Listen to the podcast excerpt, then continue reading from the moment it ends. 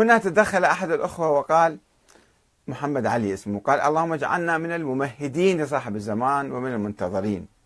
منتظرين والله يحب المنتظرين. فقلت له اللهم اجعلني للمتقين إماما واجعلني هاديا مهديا. أيضا هذا كل إنسان لازم يدعو بهذا الدعاء. وقلت وقلت له لا بد أن يصبح كل واحد منا مهديا ويقوم بمكافحة الظلم والجور والاستعمار والاستبداد. ويحقق العدل الإلهي على الأرض اليوم اليوم وليس غدا. نحن بحاجة أن نكون مهدويين أو مهديين حتى نطبق العدل. لا أن نتكالب على الدنيا نتصارع على المال الحرام وندعي التشيع أو ندعي الإسلام أو ندعي كذا. نحن بحاجة اليوم آه، لكي نطبق هذا المبدأ في أرضنا آه، في أرض الواقع. نكون مع عدل علي وثورة الحسين ومهدوية آه، الإمام المهدي الذي يجب أن إحنا نطبقه في حياتنا. مو ننتظر واحد يجي بعد ملايين السنين. ما يفيدنا وما ما, ما هي علاقتنا به.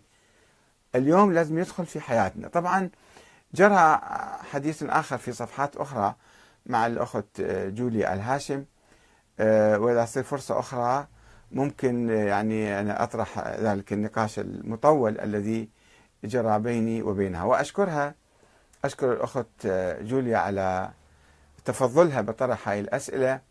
وبالحقيقة يمكن أنا الآن أجبت باختصار. يحتاج واحد يطلع بصورة مفصلة على أن هاي فكرة الثاني عشر أو المهدي مشخصا بهذا الشخص. هذه فكرة دخيلة على الفكر الشيعي. ما ما كان الشيعة يعرفوها. وتألفت بالقرن الثالث والرابع ثم ولدت الفرقة الاثنى عشرية. آه، وبحاجة إلى آه، دراسة نظرية الإمامة بدقة. آه، كنظرية في تلك الظروف نشأت والآن كيف يمكن إحنا يعني نتعامل معها. الآن إحنا أمام واقع جديد و عموم الشيعة الآن عموم مراجع الشيعة حتى يؤمنون بالشورى وبالنظام الديمقراطي. هسه واحد يقول يعني مثلا الرئيس يكون رجل مثلا آه، طيب وملتزم بالقانون ومدير وكفوء ومخلص وواحد يقول لا لازم يكون عنده علم إسلامي عنده علم شرعي أو يكون أعلم أو يكون عنده مثلا العدالة الدقيقة اللي تشترط في المراجع مثلا. فيسموه ولاية الفقيه. ولكن هذه الولاية حتى في إيران الولاية ولاية الفقيه أو القائد لا تأتي من النيابة العامة عن الإمام الغائب إنما تأتي من صناديق الاقتراع من مجلس الخبراء في إيران حسب الدستور. مجلس الخبراء 80 عضو ينتخبون القائد ورئيس الجمهورية ينتخب بصورة مباشرة من الشعب والبرلمان ينتخب من الشعب. فكل النظام قائم على الشورى والديمقراطية والانتخابات.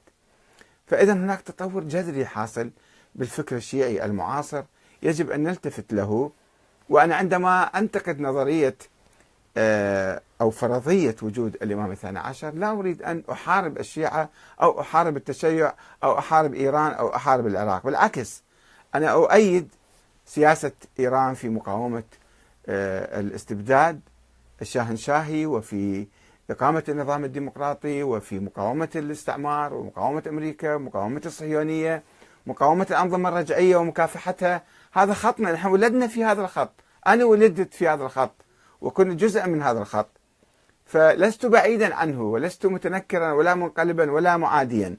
إنما أرى أنه نظرية